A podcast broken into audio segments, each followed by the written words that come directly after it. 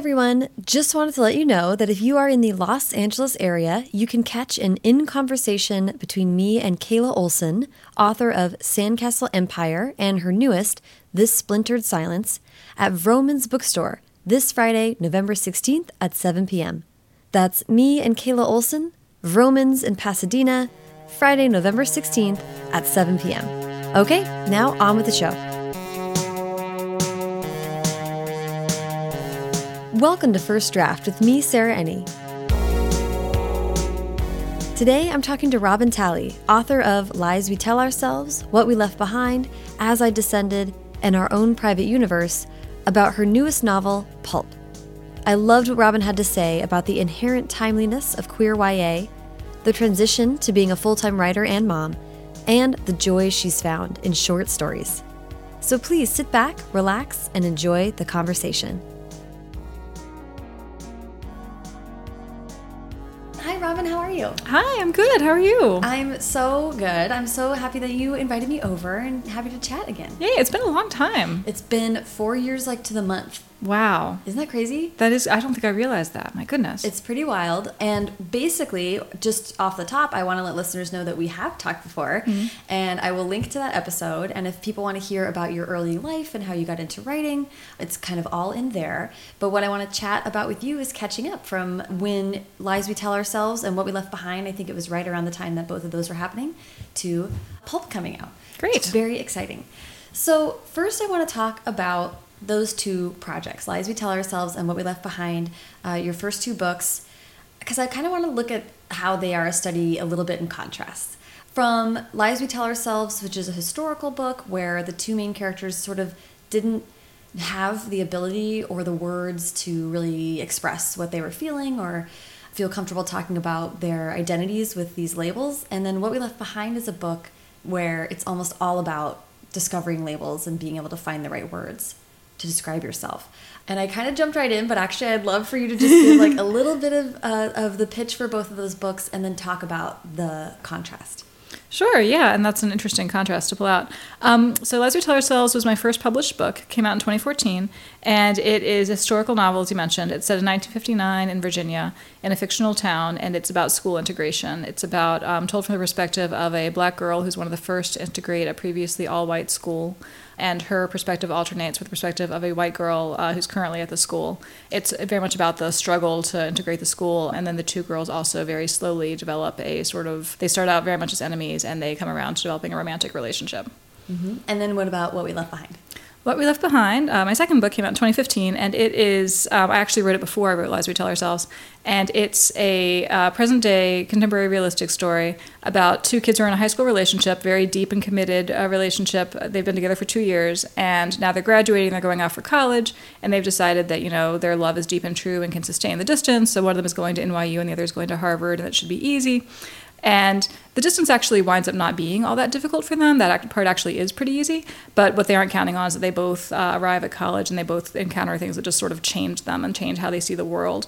And so Gretchen, uh, one of the characters in the relationship, is identifies as cisgender and a lesbian, and Tony identifies as genderqueer and arrives at Harvard and uh, become, becomes friends with a group of trans activists on campus. And that starts to alter their perception of things as well. So it places a strain on their relationship that they never counted on. Yeah, and I actually I didn't know that you wrote that one first. Yes, that's so interesting.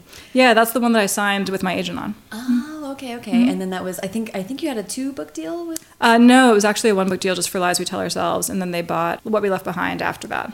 Cool. Yeah. Uh, awesome.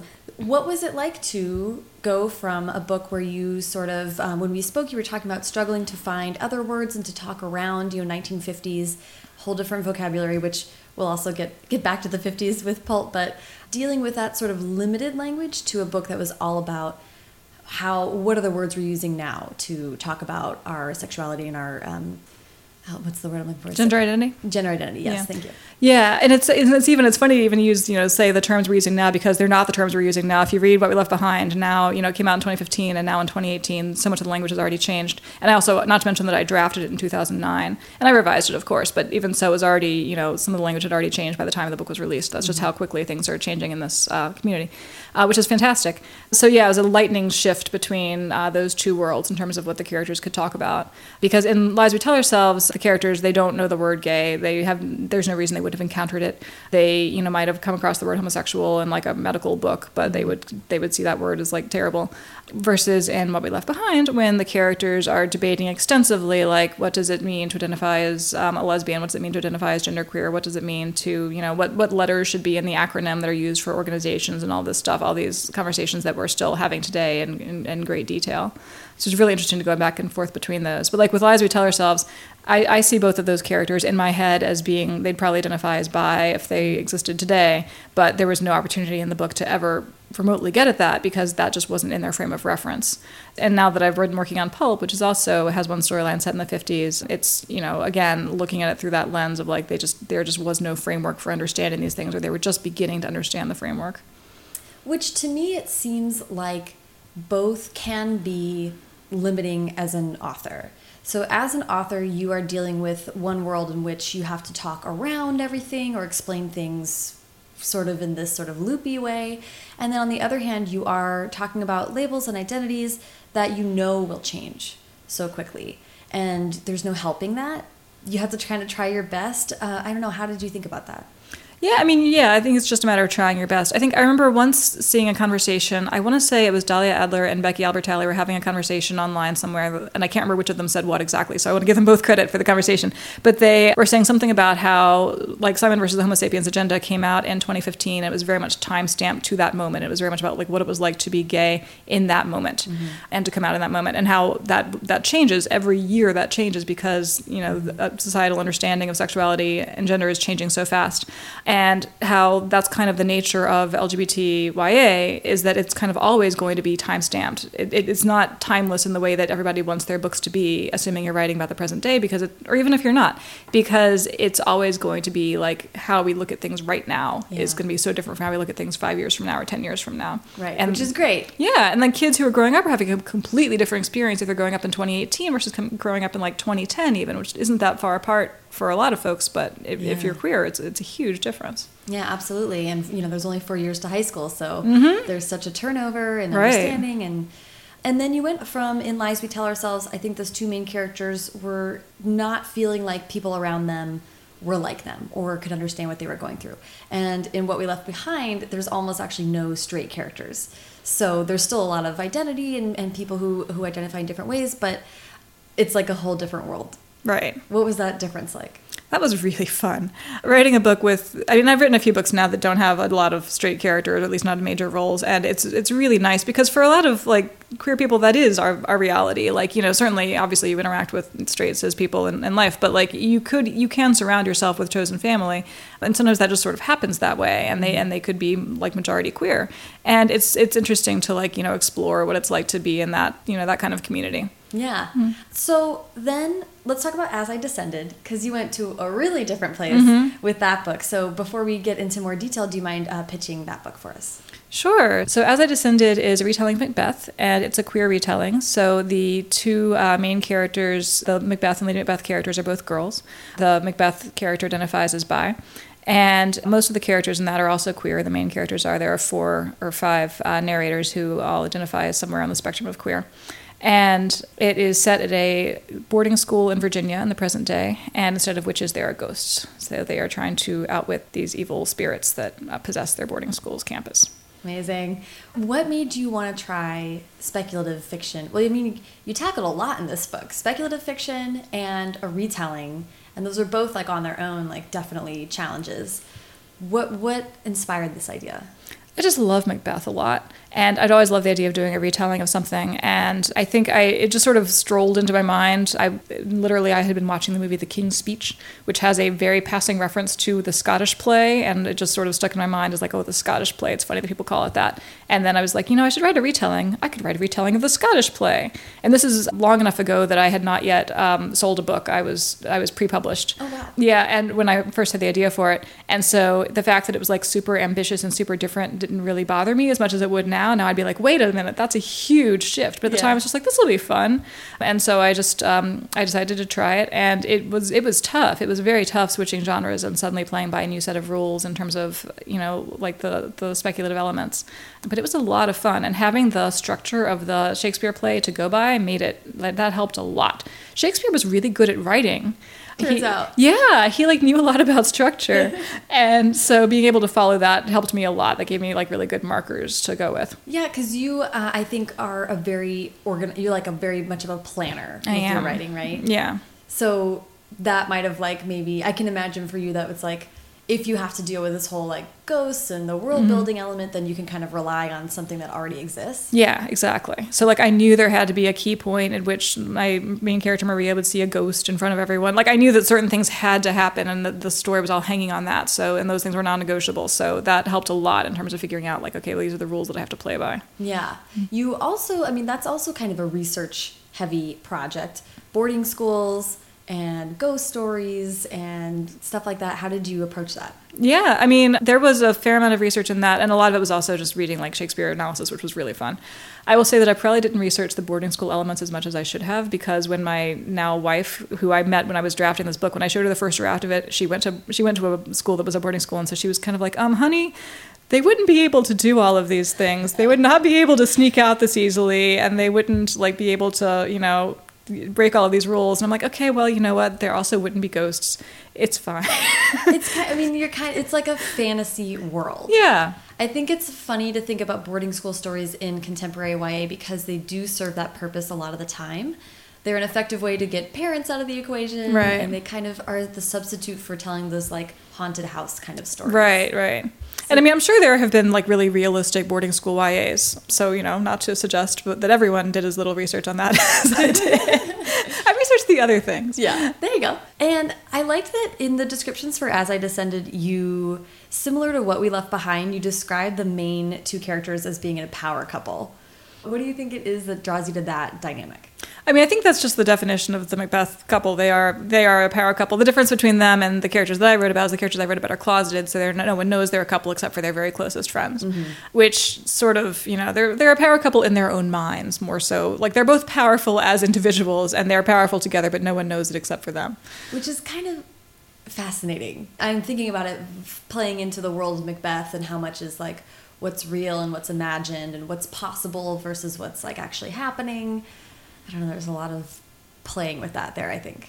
Yeah, it's a lot of fun. It was a really fun world to explore and to get into. And characters like I would not have like really dep- in, in depth explored uh, characters that are secondary as like the character Mateo, who's the Macduff stand-in. Like he was created because there's Macduff as a character in Macbeth, and so I needed someone to fill that role. And then I started writing that character and exploring, and I was like, oh, this is actually a really interesting character, and I need to explore him in more detail. And so it was fun to like really get into all of that on a on a level that I wouldn't have if I hadn't been like working with that source text. Yeah.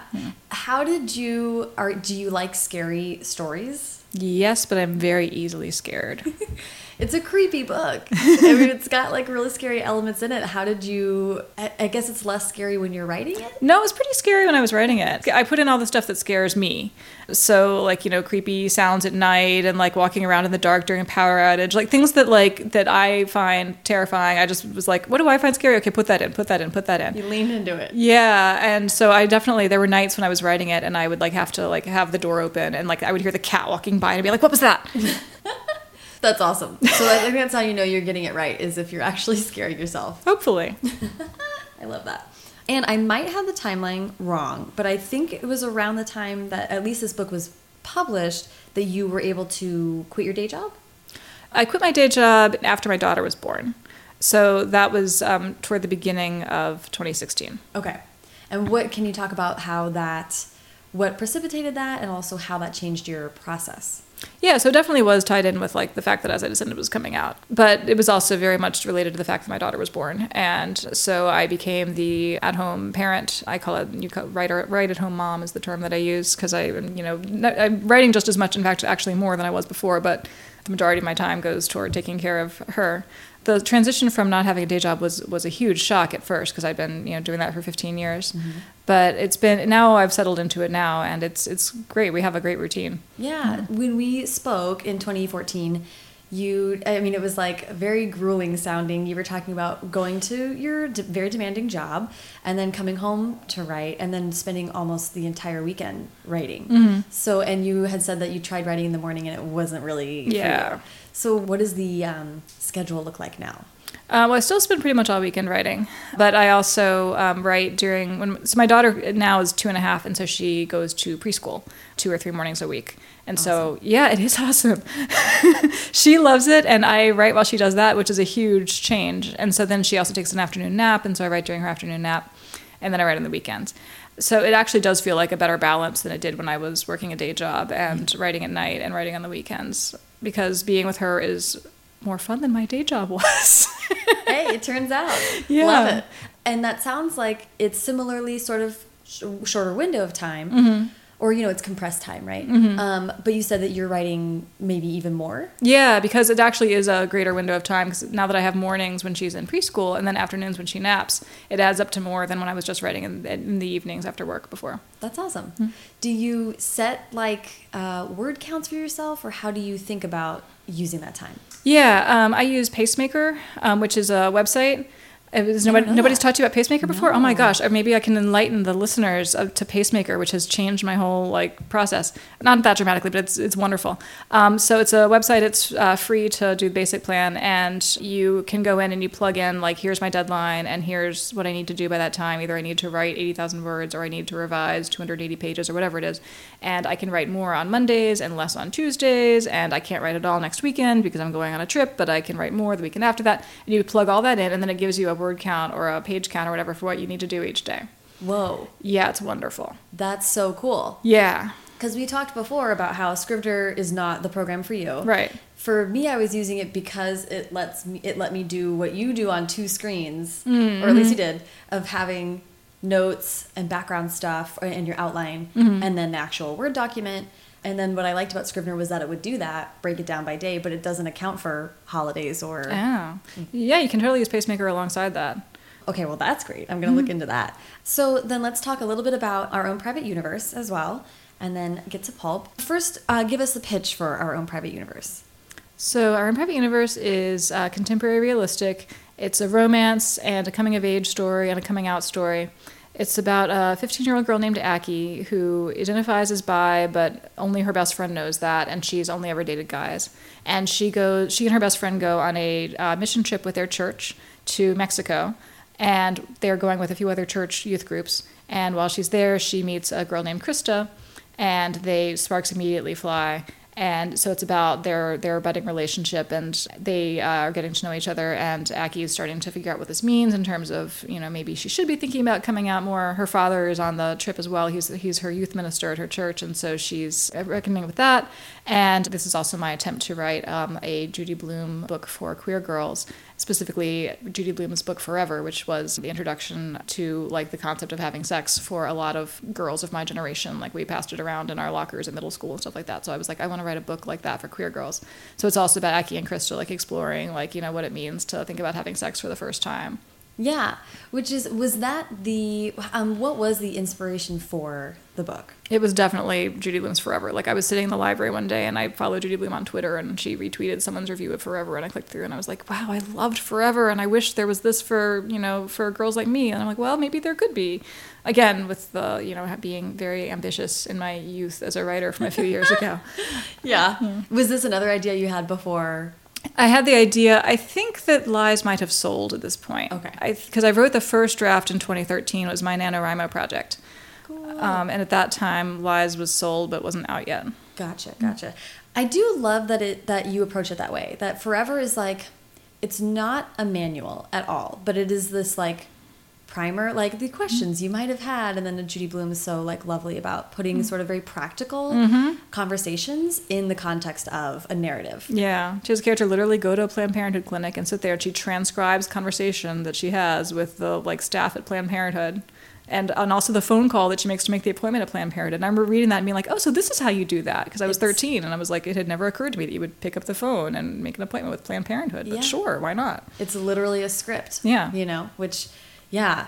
You know, the, I think the what would be intimidating to me about this kind of project is how you approach these things in a practical and like sort of educational way without making it preachy or didactic.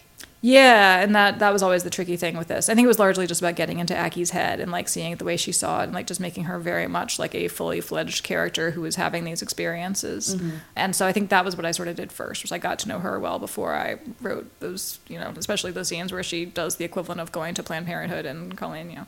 Yeah. Yeah. And it also is unique in that it's talking about, I mean, unique. It's not, there are books like this out there as well, but, but it's Aki in the context of being raised Christian mm-hmm. and having the church be a big part of her life.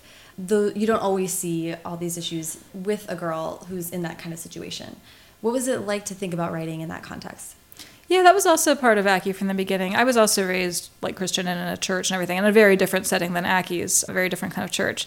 But I that was part of sort of how I always conceived her as a character. I knew she was going on this this trip with her church group, mm-hmm. and that you know, but churches are also changing.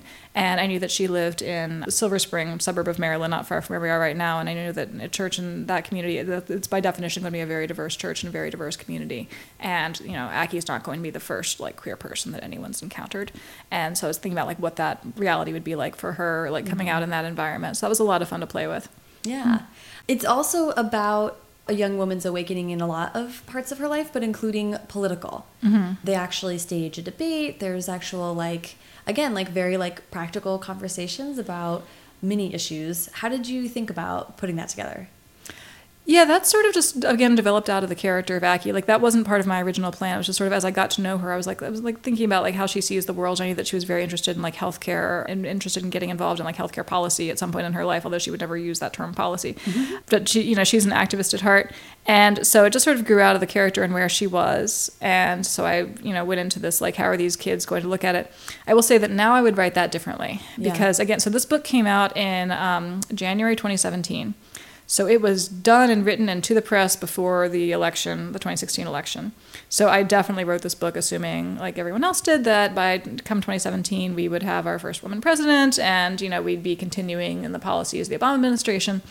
And so if I was writing that book now, I would have those characters approach. They might, they would probably still have this debate, but they would approach it very differently. They would approach it from a much more like serious and darker place because the world is a more serious and darker place than it appeared to be at that time. Right, right. That's uh, another struggle of writing uh, and publishing. Things move slowly, Yes. um, and a little bit too slowly to be able to pivot the way we wish we could sometimes. Yeah. And you know, and of course, I was thinking about this from the context of you know being a queer person in America right now comes along with some political realities that are sort of undeniable, unfortunately.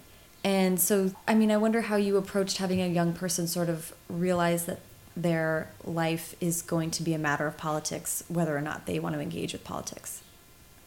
Yeah, that is a great question. And I don't honestly have a great answer for that because it's really unfortunate that that everybody that folks do have to consider that. And it sort of depends on where you're coming from. And again, I'm thinking about not to keep talking about Simon versus the Homo sapiens agenda, but I did I just watched the Love Simon movie, so I guess it's on my mind. And I listened to your interview with her as well. And like that's, you know, it's sort of the like why do gay people have to come out? Like why is this burden placed on specifically on queer people and on but but, but this could apply to folks from any marginalized group. Like why do you have to confront these realities just because of your identity? Mm-hmm. And it sucks. And I don't have a great answer for that because I wish that wasn't the reality. I wish that if you wanted to completely disengage with all politics and everything on the like national and state level, you could, but we can't. And that's also true for anyone though, whether you're marginalized or not. It affects folks in your life. And you have to everybody has to think about this and everybody has to be engaged on this. Well, definitely. And as like a white woman who identifies as female and is heterosexual, like for me it's all about having a conversation with people who are like me to say like no, you can't opt out. Like you actually have to opt in to understanding that like that apathy is not an option. But you know, yeah, si Love Simon is such a great example. That montage of the kids having to come out as straight is the, one of a, a recent great example of like sort of showing you like mm-hmm. this is the the difference and this is what we should be thinking about. You know. Mm-hmm. Anyway, that was like a roundabout question, um, and thank you for for tackling it. But it did strike me when I was thinking about our own private universe and how Aki is kind of in a safe place to really consider these things and get and and deepen her understanding of them uh, which is a very practical and real part of young life. Okay, let's talk about Pulp. Okay. I'm so excited about. Yay. First of all, it has like the most fun cover. I mean, when you're talking about pulp books, it's so visual. Mm-hmm. So it was fun to see them play with that on the cover. What did what did you think when you first saw it? Yeah, I mean, I had really, I had no idea what the cover was going to look like, and I was really hoping it would be illustrated and that it would be reminiscent of the style because the pulp books are, you know, for anybody who's uninitiated, uh, the 1950s lesbian pulp fiction is very much associated with the artwork um, that was on the covers, which was designed to be as scandalous as possible and to titillate straight men who would see them on the racks at books, books at um, bus stations and whatnot. So you know, but then a lot of like lesbians collect it now, and like you can buy posters. And I have my wife got me a necklace that has like a ridiculous pulp cover on it that she got off Etsy. Uh, and so it was it was really fun to have the cover to play with those visuals. Yeah. Before we talk too much about it, do you mind pitching pulp to us? Sure. So Pulp is set in two timelines, one in 1955 and one in 2017. And in the 1955 timeline, it follows an 18 year old uh, closeted lesbian who discovers a pulp book when she's on a trip and becomes fascinated with it uh, and decides that she wants to try to write her own, despite the fact that she is very, very closeted and lives with her parents and um, has a girlfriend who's very closeted too. And then in the 2017 timeline, it follows a out and proud girl living in DC who finds an ebook of this mysterious pulp book by this mysterious author, and she reads it and becomes obsessed with it, and decides she's going to try to track down this author who disappeared and has never been heard from after publishing this one book. I love that. There's sort of that's uh, like a subgenre. I feel like kids looking for mysterious authors. I hope so. I love. I love that. So you're you are with pulp. You are also back to two points of view, which you've done a few times. What was it like to to jump back into two whole different worlds? It was fun, and this was a little bit different than the others where I've written multiple points of view because it was really literally two different timelines, two different stories, and they connect, but they're also each much more distinct than in other books that I've written. So in this one, I actually literally sat down. I wrote the 955 storyline first, like oh, interesting. Yeah, so it was like basically I was writing like two mini books, and then I wrote 2017 after that, and then I sort of merged them together, and I you know alter- did the alternating chapters and figured out how they played in with each other. Yeah, I was gonna say that's sort of uh, the challenge of historical and interweaving. It's almost like a like a mystery to what does the reader know and when, and. Right. Especially when she's sort of hunting for the identity. So how how is structuring that? it, there was a lot of revision um, in terms of structuring that because the original I didn't have a really good sense of like how exactly Abby, the president character, was going to find Janet, who's the historical character. I didn't know exactly how that was going to play out, and I, I kept having to revise it to like make it make the mystery like more like more of a mystery, and to sort of leave more open ended like what happens to Janet. And this, I mean, these are very like practical questions, but mm-hmm. like, was it a conversation with you and your editor? Was it just you revising yourself to kind of get that pacing right, or how did how did you work through that? A little bit of both. I did a lot on my own with this one first uh, because this one was much more. This was this was probably more revision intensive than in a lot of other books that I've written lately. Because like I could tell from the beginning, like at the beginning, I didn't even have the right number of chapters. Like I had like you know, and I had to go back and like rebalance like the where the chapters fell. And so then eventually, I sent a draft to my editor, and um, we sort of both looked at. We both sort of came to the same conclusion of like this needs to the mystery element needs to be punched up in in this way, and you know, so it, was- it was easy to figure out at that point what we needed to go back through and fix. Yeah. If you were going to do it again, just for I'm thinking about listeners who maybe would be interested in tackling the sort of two points of view, historical back and forth, would you write the past all in one time, or would you try to? I'd probably still do it this way because for the voice Oh, um, and for getting to know the characters on an individual level, like it, it worked really well in that way. Since they were not interacting with each other, it was uh, more helpful to spend time with them as an individual and get to know what each of their circumstances were. Yeah. So how did you come to know about pulp fiction from the 50s? How did this introduce get introduced in your life? When I was in college, I was at a gay bookstore. There used to be gay bookstores in DC called Lambda Rising, and I saw uh, they had magnets for sale. And there was a magnet with a with a it said "I prefer girls" on it, and had these two girls in like these scandalous outfits. And I was like, "What is that? Is it just a magnet?" And you know, for a long time I didn't know, and because I you know this was long enough ago that you couldn't I didn't you didn't just immediately type into Google like "I prefer girls" and see what came up. So then later I found, oh no, there's this entire genre of books. I was like, well, that's really cool. But I didn't read any until I started doing the research for Lies We Tell Ourselves. And when I was researching that book, I was like, okay, well, this is about gay people in the 50s, and like there isn't, you know, there's there's only so much to go on in terms of what research materials there are. And I was like, okay, well, let me read one of these books. So I read uh, Spring Fire, which was the first really big lesbian pulp novel, and I read it, and I was like, wow, it was really terrible to be a lesbian in the 50s. Like, wow, it was really, really bad. And so that made a big impression on me. And I actually worked that book into Lies We Tell Ourselves. There's a scene where the girls find a copy of Spring Fire. They don't say it, cite it by name, but that's what it is. Mm. And so then that's sort of what made the like concept of like this genre sort of linger in my mind. Can you kind of just give me the breakdown of what this because I know pulp fiction like that was a really, I mean, it's like a movement at the same time that it had its limitations. Can you talk about how it's like contextualized in the gay community? Yeah, so it's really complicated. So, like I mentioned before, that these these pulp novels. So first, first of all, pulp fiction was a whole genre beyond lesbians. Um, you could go into any drugstore or you know newspaper stand anywhere in the '50s, and you could buy any number of paperbacks that had these ridiculous covers. And most of them were like westerns or sci-fi, and they had like pictures of aliens on them, usually with like really large boobs or whatever. Then there were also these lesbian novels, and they they were they were lesbian romance novels. Like they were like fairly traditional romance plots in a lot of cases, and the majority of them were actually written by men. And the majority were written for a straight male audience, and the idea was for it to be like super scandalous and like, ooh, you're reading about these like you know ladies who get up to like you know whatever. Uh, but there were a segment of them that were written by actual lesbians and everyone wrote under pseudonyms regardless of gender or who they were. There was there were almost no one published under their actual names. And so you had to really hunt if you were a lesbian who was like looking for books like these. Most of the ones you would find would be by men, and most of them would be really bad. Mm-hmm. And you might read them anyway because there was nothing else. Like if you were a lesbian in the 1950s and you were looking for representation, this was your option. So um, you might be lucky and get like a really good one that was written by Ann Bannon, who's like the most famous lesbian pulp fiction author, or you might be unlucky and get a really terrible one in which the characters have no personalities and they all go crazy or kill themselves at the end, which happened in a lot of them because there were censorship laws. But so since uh, these these books sort of died off around the mid '60s, when not coincidentally when you know Stonewall and other gay liberation movements were happening, and then they sort of disappeared from like cultural awareness, and then they started being reclaimed a little bit in the '70s by lesbian activists, and some of them started being re-released by lesbian presses and have been, since been embraced again.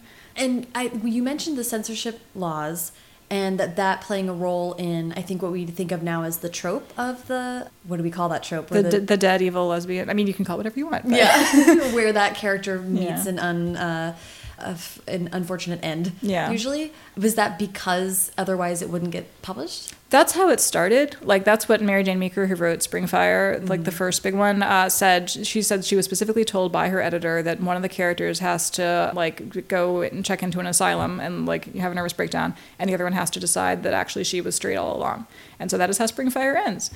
And she was told that it was because these books were distributed by via mail because that was how paperbacks were distributed, and that if you had to put it in the mail, then like the mail was not allowed to distribute pornography, and it would be considered pornography if there were two lesbian characters who had a happy ending. And so a lot of um, the books had endings like that. And in some cases, it was because censorship, and the censorship, censorship fears, but also because it, it, it, just became a trope, and that was just what was expected. And I think it was also because they figured that's what the straight audience expected, that you could not possibly be gay and then have a happy ending. Right.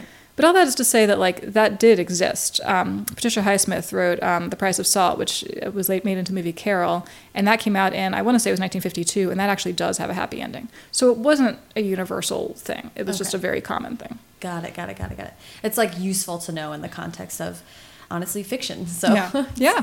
very interesting. And diving back into a historical, it's been a few years since you did that. What was it like to get back into research and having to think about this other time? I mean, I'm just someone who loves research, and I, will I do research for all my books in some way or other, regardless of where they're set.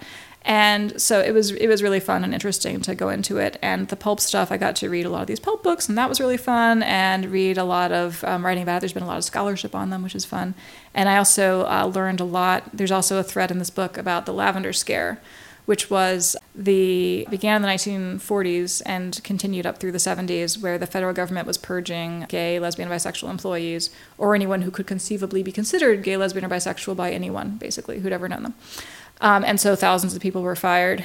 And um, so this was a phenomenon that was happening at the same time as the Red Scare was, but it didn't get nearly as much attention because um, these most of these folks were very closeted and needed needed to be closeted, and so they weren't raising up a public outcry uh, or at least not at the beginning.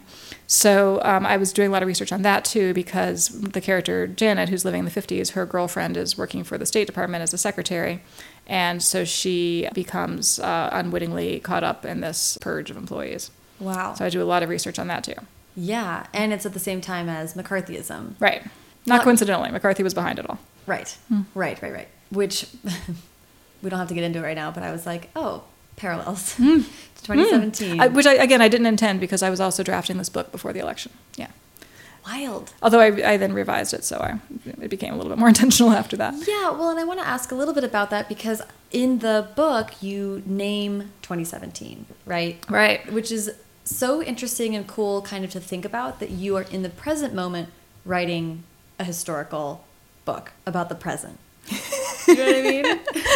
Yeah, um, we actually had that was something my editor and I talked about um, in the revision process because originally I, I knew the book was always going to be published in fall 2018, and so the, in the original draft I had it set in 2018, and so I sort of talked to my editor and I was like, so because I knew it was going to be coming out in the fall, and I was like, this is going to be coming out like I'm not going to be able to revise it with whatever happens in 2018, and so we decided to set it back in 2017 because we're like by the time November 2018 comes around, who knows what the world is going to look like.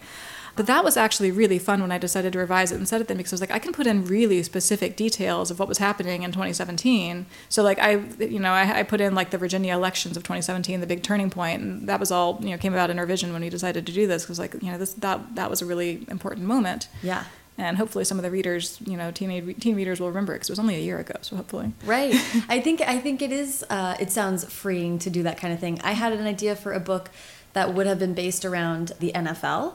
And it was like going to, it was like sort of having to do with fantasy football. So it was like important to be able to track it to one season. Mm-hmm. So then it was funny to even think about outlining that because I was like, you just have to base it on one season. So then it becomes this thing where it's like time stamped. It's the history is now, and you you can go for so many more specifics and just kind of lean into it Yeah. talk about what phone you have. You know, you just don't have to be like as worried about. Yeah, exactly. Because that's the thing, you know, writers are always being told, like, you know, don't put in too many specific references because you don't want to be dated. And I'm like, or, but you could just literally date it and then it's okay. And then it's okay, uh, which is kind of fun to think about. Then it's like a historical all around in this interesting way. Yeah, and you know, it made me think this book and our own private universe and thinking about Judy Blume forever and a lot of the ways that you've talked about your writing as being thinking about your younger self in a lot of ways or what you would have wanted to be available for Mhm. your younger self. It seems like maybe some of your fiction is like in conversation with yourself in this way. How do you think about that? Yeah, like you know, Our Private Universe is definitely a book that I wrote like with my younger self in mind. Some of most of the others I would say are probably not. Although As I Descended was very self indulgent and that like I would always wanted a queer Macbeth retelling. That's just awesome. I just like it. But um, yeah, I'm definitely always thinking about like how you know queer teen me would have seen things. But I also have to think about how queer teen me would see things if I was a queer teen now because it's a very different world than you know when I was growing up in the '90s. And so thinking about that dialogue too. Yeah. Which again, it just leads me to thinking more about the historical aspect. You know, like thinking about the 1950s and the experience of gays and lesbians then is so different from thinking about yourself as a teen in the 90s. But at the same time, it's hard not to think about that as like lacking a lot of the exposure and, and just like sort of, I guess I, I get wistful when I think about it, like wishing that the conversations that are happening now and the media that's available now was around much earlier. Yeah, and then we also think have to think about like who has access to all the conversations in the media now. Like you know, we see it as ubiquitous. Um, you know, like Love Simon is out. You know, gay teens are everywhere. But you know, there every time I do a book event and I sit with teenagers, every time I do a festival or anything, so they say to me, "I never see gay kids in books. Are there gay kids in books? I didn't know there were gay kids in books." Like every single time, and not everyone certainly, but like that's very very commonly said Right. and so we have to think about like these these books are out there these stories are out there but they're not reaching everyone there are a lot of people who still we need to be working on making sure that everyone has access Yes, and there's still not enough. yeah Yeah. Oh, you mentioned Ann Bannon, but Yes. uh, you have a blurb from i do Ann Bannon on this book. it's so exciting How did that come about? So I uh, years ago uh, did a fellowship with the Lambda Literary Foundation. It has a emerging writers retreat every summer for queer authors, and so I did that several years ago. And I was a um, student there, and my the leader of my workshop was um, Katherine Forrest, who is a like very well-known author and editor and she has had edited among her many things that she's done she edited a anthology of lesbian pulp fiction which is called lesbian pulp fiction. And it's a great anthology. It's this collection of like excerpts from um, a lot of the best books. And so i knew that she had done that work. And so i emailed her and i said hey you know i'm working on this book that's about lesbian pulp fiction. Know you've done some work on this? Like do you have any resources that you would suggest that i look at? And so she did. She recommended um, several books that i read that were really helpful. And she's like and also i know ann bannon I would be happy to connect to you.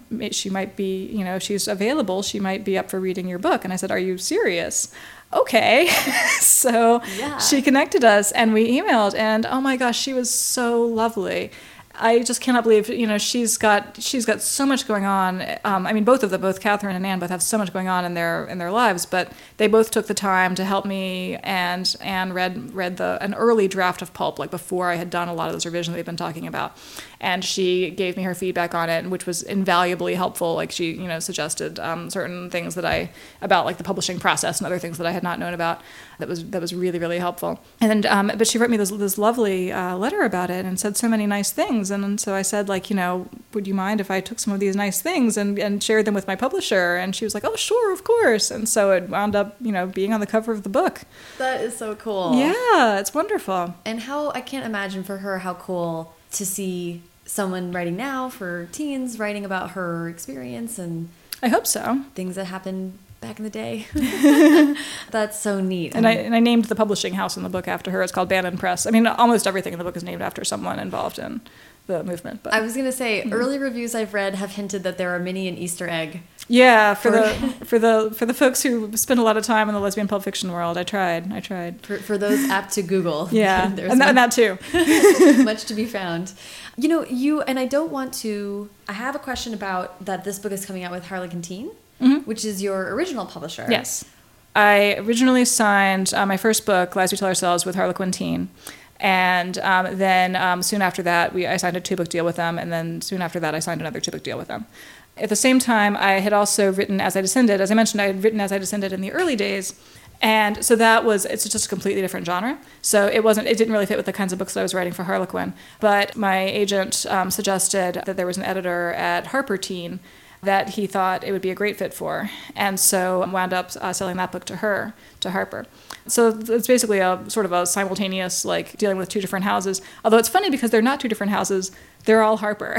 right. They're all in the same building technically. They're all in the same building, um, and they're all owned by HarperCollins. Both Harper Teen and Harlequin Teen are officially imprints of the same publisher. They weren't originally. When I first sold Lies We Tell Ourselves, uh, Harper was um, Harlequin was still independent, That's right. and but then it was acquired like before Lies came out. then did and you still were able to sort of like do the book a year thing. Yeah, it didn't really, it wasn't really exactly planned that way. That's just sort of how it wound up happening. Nice. So, um, As I Descended and Our Improv Universe actually came out like less than six months apart from each other, but one was in 2016 and the other was in 2017. Got it. Got it. Yeah. Got it. Because I was just imagining a period of time with deadlines for you. Oh my gosh, yes, all the periods of time with deadlines for me. Continuing on, still, I'm sure. Yeah, yeah. How has that been? You know, it sounds like you had a lot of ideas and a lot of things going on, and then you sold your book, and like having to make those happen Mm-hmm. on a period in a short period of time is like a whole different animal. Mm. Yeah, yeah. It's it's been it's a little bit more. I'm a little more used to it now, but the, in the first couple of years, it was really really difficult to you know switch from just writing just for yourself with deadlines that you set for yourself or for your agent to writing to actual deadlines for when a book needs to be released into the world. Yeah. Yeah.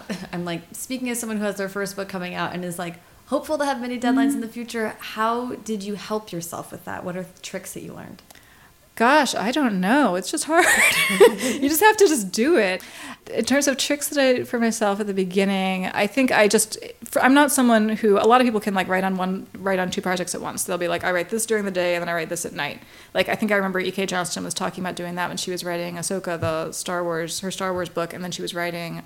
I don't remember which of her awesome other books it was that she was writing. She was writing that in the day, the daytime, so she did that like a day job, and then she had her other book that she was writing at night as her like you know fun project. I could not do that. My brain does not work that way. And you're shaking your head. I, you I feel the same. I cannot. either. I'm I'm monogamous with books. yeah. But um, what I usually do is I have projects at different stages. So like I have a project that I'm working on the first draft of, and then I'll write the first draft. I'll tell myself, okay, I have until X date to finish this first draft, and then I'm going to put this book aside and I'm going to do revisions for the next book. And so, and that's also good for me and for a lot of writers. I know brain wise to you know you put a book aside and then you come back to it later with fresher eyes. And so I. I'll do like you know I have six weeks to do this book and two months to do that book and six weeks. Of course, that doesn't always work out with deadlines, but Right. that's what I go aim for. Okay. Ugh, it's wild. Yeah. But yeah, it, it, it actually was a big thing for me of like admitting that two projects at the exact same time is just like, at least for now, it doesn't feel like it's going to work. I feel like a fail as a writer. I feel like I should be able to do that. I should be able to make my brain compartmentalize that way. I know. And some people say if you're revising one, but you're drafting the other, like Yeah. that will work. But honestly, I feel like I have two to three hours in me of any of that work a day. And then, you know, then I fill the rest of it with to the podcast, to be honest. Yeah, well, I would imagine. Goodness. Yeah, there's a lot. Oh, okay. Short stories. Yes. I wanted to ask about um, you've done I think four or Four. five? Four, yeah. Okay, I can't remember which one you were referring to, but I want to say it was either Toil and Trouble or or something else that you said was like maybe the most fun you've ever had writing something. Oh well, Toil and Trouble was a lot of fun, but I was when I said that I was referring to All Out, Okay. which uh, was is the um, all queer historical anthology that came out in earlier in 2014, edited by Saundra Mitchell. Amazing. Can you talk about what your story was and then what that writing process was like? Uh, my story for that is called The Dresser and the Chambermaid, and it's set in 1726 in Kensington Palace in London. And it is a romance between two servant girls who are attending on a princess who lives in the palace. And it's about, you know, the new servant girl has come in sort of from the country and she doesn't know the ways of the palace. And the old servant girl, resi- or not old, but the previous servant girl who's been there a while resents her for coming in and like usurping her position. And so they have a little bit of an enemies to lovers thing. So it's it was really fun. It was just writing basically a straight up historical romance novel and like getting to do a lot of research about 18th century Kensington Palace and like princesses and servants, and it was awesome. Amazing. It's Yeah. Downton Abbey as a romance novel. Right. I mean, that sounds awesome. it was really really fun. How and then a, a few of the, you were in a tyranny of petticoats as Mhm. well, and Toil and Trouble are both um, edited by Jessica Spotswood. Yes. who's a fellow DC author. Yes. a lovely person. Mhm. And so, what was it like to work with Jessica for some short stories? Oh my gosh, I I love working with Jessica as an editor. Like she is such like a gift to the editing like world of YA in my opinion. Um, and she's really great at doing these anthologies. And so she's I think what she she really has a great eye for like what a like group of writers should look like for a project. And so and she, you know, also now has has clout in this world and can and can ask folks and get like a really great um, group of uh, people together to to do a project. And she's also just a really good editor. She is very very hands on and has excellent suggestions. And she also beta read um, my next project for me and like you know, like it was like, okay, well, you know, this I have some some pretty big notes for you, and I was like, ah, tearing at my hair, and she's, and then, but she would just say one thing, and like it would suddenly turn, like a click, a switch would go off in my brain, and be like, yes, that's exactly what I need to do to solve, you know, this huge problem. Like, thank you, so Jessica cool. Spotswood. Yeah. That's awesome. I feel like there has been like an explosion of these opportunities to write short fiction Mm-hmm. in YA. Um, what was it like writing writing short stories? It's fun. It was really uh, hard at first. Like the very first one I did, Tyranny of Petticoats. And I've talked to some other writers who had this experience too of like, you know, when you're used to writing a novel, you're used to having a lot of space to like get to know characters and like really work with them. And it's like being able to having to do all that in a much shorter space. It's really a different skill set. Yeah. And I never took creative writing classes in college or anything like that, which I wish I had. And so I didn't really have a lot of experience writing short fiction in any sort of serious way before doing it for anthologies. But now that I've done it a few times, it's really, really fun. Yeah, Hmm. I feel like it can be really rewarding. But Mm-hmm. it's like you know, it's like a poem. As soon as you shrink the amount of real estate you have, it's like uh, Yeah. every yeah. sentence means so much. Uh, so it almost takes like longer in some ways hmm for the amount of space that it's ta- actually taking up. But it's very cool to see short fiction sort of pro- proliferate. in Yeah, this way. yeah, it's great to see so many awesome anthologies and awesome collections. Also, a great way to meet new writers that I haven't read before. Yeah. Like when I was reading All Out, I was like, wow, I have to go back and read all of this author's other books because I didn't even know. Yeah, it's such a great and spe- yeah. Speaking of, especially all out, like uh, making sure that that kind of fiction gets in the hands of teen readers, and then Mhm. it's like, wow, look at the you, from here you can go explore all of these writers doing their own thing. Right. Um, so really amazing that Saundra put that together. Mhm. So let's talk about what this will be released the day that Pulp comes out, so everyone should check that out. But Yay. what else do you have in the uh, in the hopper coming up? Oh gosh, I can't talk about it. Ah, I, I, have two different things in the hopper that I would love to talk about, um, and hopefully I will be able to soon. But I'm not allowed to right now. That's okay, but that's good to know. So two more, two more books that we can look forward to. Yeah, in, in its mysterious capacity. Well, that sounds exciting, and we'll just have to check in again sooner to when those are coming out. Okay. Thank you so much for taking the time to chat with me today, Robin. This is so fun. Thank you. This has been fabulous.